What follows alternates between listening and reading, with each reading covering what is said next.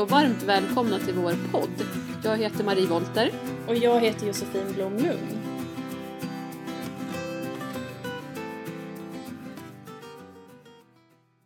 Både jag och Marie, vi har hållit på med hästar så länge vi kan minnas.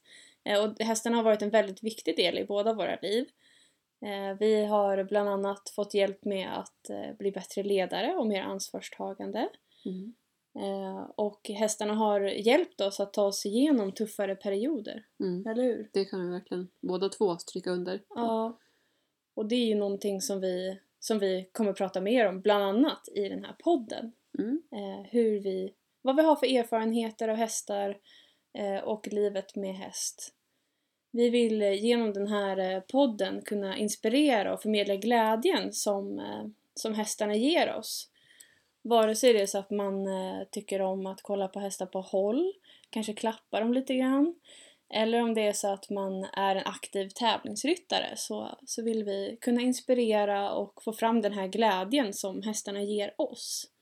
För Mm. vi tycker att det ska vara roligt att ha häst, eller hur? Verkligen, det är ju bland det viktigaste. Det ska vara kul, det ska kännas tryggt och det ska ge glädje. Ja. Och det, det är precis det som vår podd kommer att handla om. Berätta lite mer om din bakgrund då Josefin.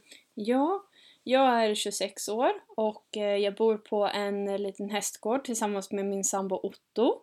Vi har ett eget hus där och sen så bor även mina föräldrar Eva och Henrik i ett eget hus på gården. Så vi har som ett litet familjeföretag. Eh, Just nu har vi faktiskt 11 stycken hästar hemma. Mm. Jag brukar alltid säga att jag inte ska ha tvåsiffrigt antal hästar men det har jag nu. Framförallt arabiska fullblod men även lite De före detta fina. travare. De är Ja. så himla fina jag tycker jag. Ja. Ehm, och jag tävlar då för landslaget i distansritt. Eh, jag har hållit på med sporten sedan 2011. Mm. Eh, så nu börjar jag få några år på nacken. Eh, och eh, deltog i EM i år tillsammans med min häst Shaman. Mm. Och vi rider då 16 mil över en dag när vi tävlar som längst. Men eh, det har inte alltid varit så att jag har varit på elitnivå och, och haft eh, fina tävlingshästar utan min eh, historia började redan på dagis då jag var helt frälst i hästar. Vi hade ingen häst, det faktiskt ingen i familjen som höll på med hästar.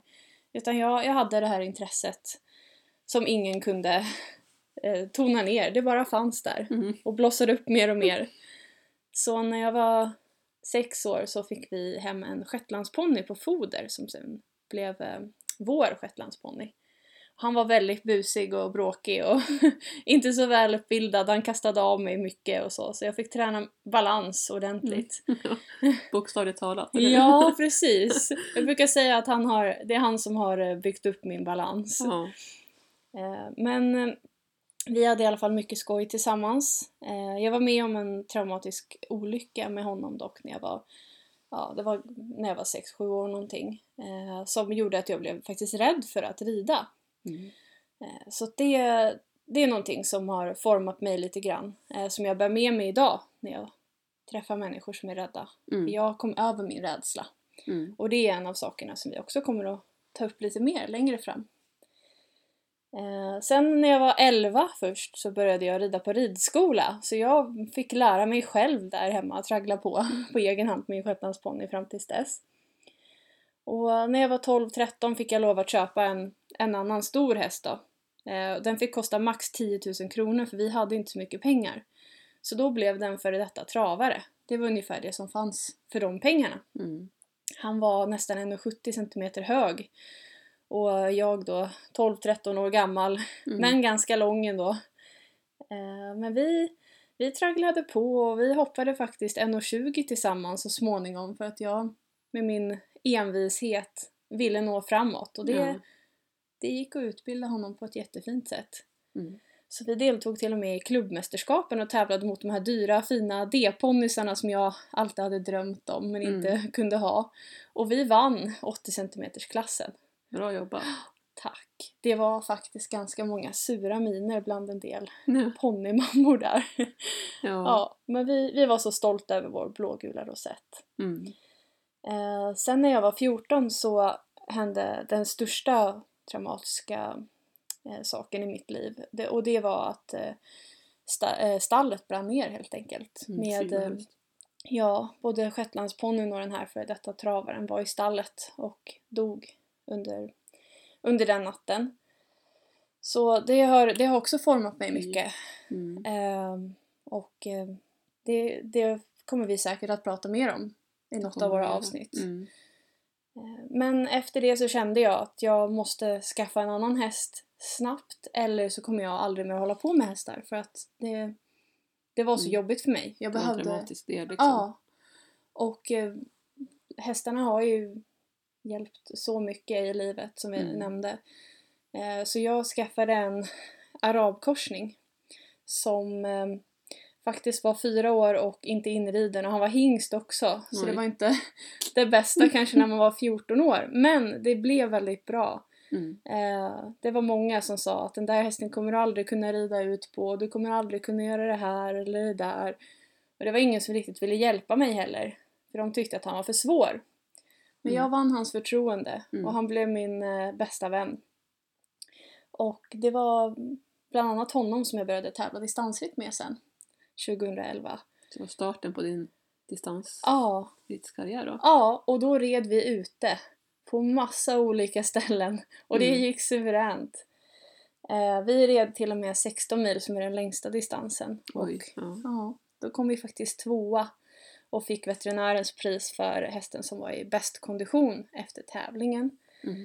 Eh, så ja, sen eh, startade jag mitt hästföretag när jag var ja, 2015, 22 år gammal. Och idag håller jag på lite med träningar i distansritt och eh, mental träning för ridrädda bland annat. Eh, både vuxna och yngre personer.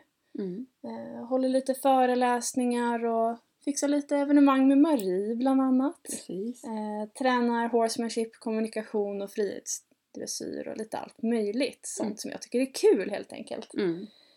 Och i år, 26 år gammal, så deltog jag och en av mina distanshästar i EM i distansritt. Så vi representerade det svenska landslaget. Mm.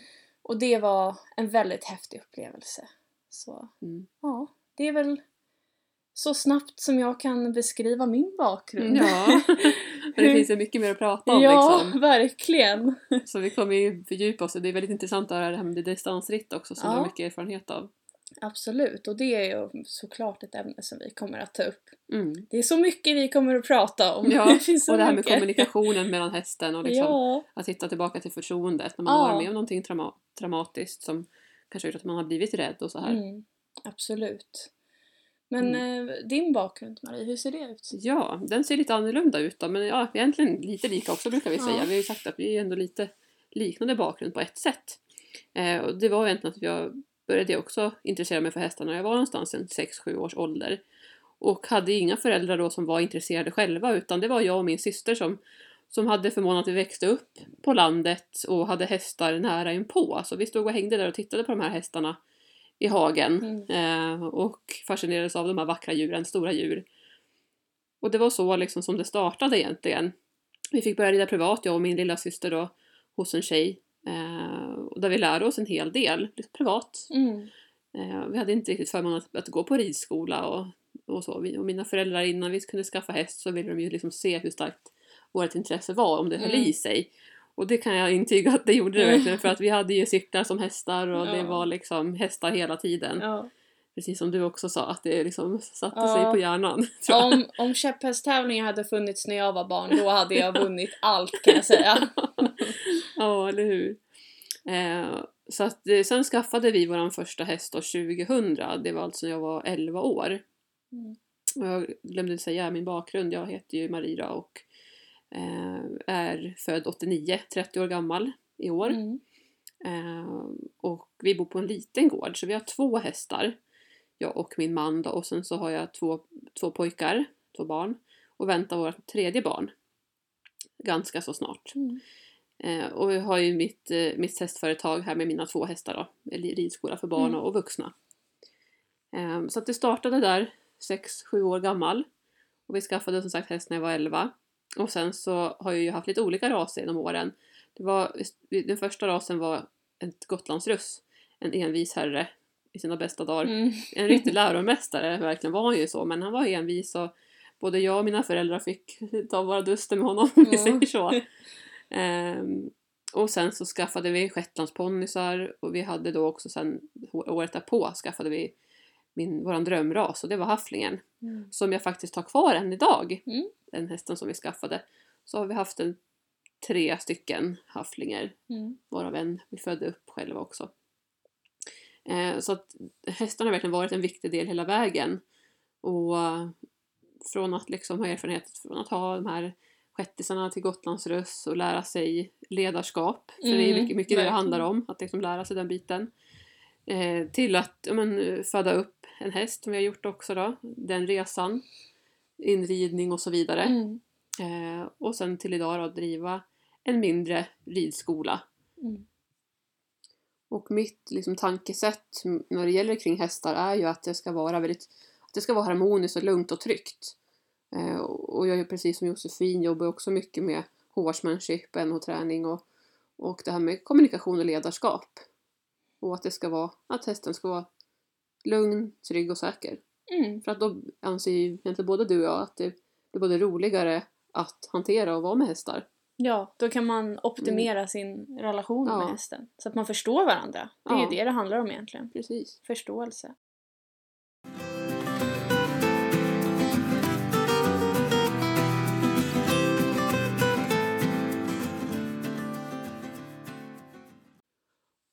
Att jobba med hästar har alltid varit en dröm för mig egentligen sedan jag var liten. Men av olika anledningar så har det inte blivit möjligt förrän då för ett par år sedan när jag startade min verksamhet.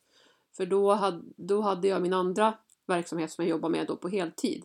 Gjorde det möjligt för mig att kunna starta den här hästverksamheten. Mm. Så just det här att kunna att följa sina drömmar, någonting som jag verkligen brinner för, både du och jag Josefin. ju. Ja, verkligen. Att, att våga göra det man vill.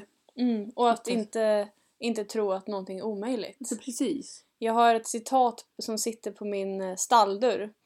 Där det står The only impossible journey is the one you never begin. Mm. Alltså den enda omöjliga resan är den som du inte påbörjar. Mm. Och det stämmer ju verkligen. Ja. Det, Så måste test, våga och testa och prova. ja, man ska inte låta sig hämmas av någon annan eller något. Utan Nej. vill man någonting verkligen helhjärtat så ska man göra det. Mm.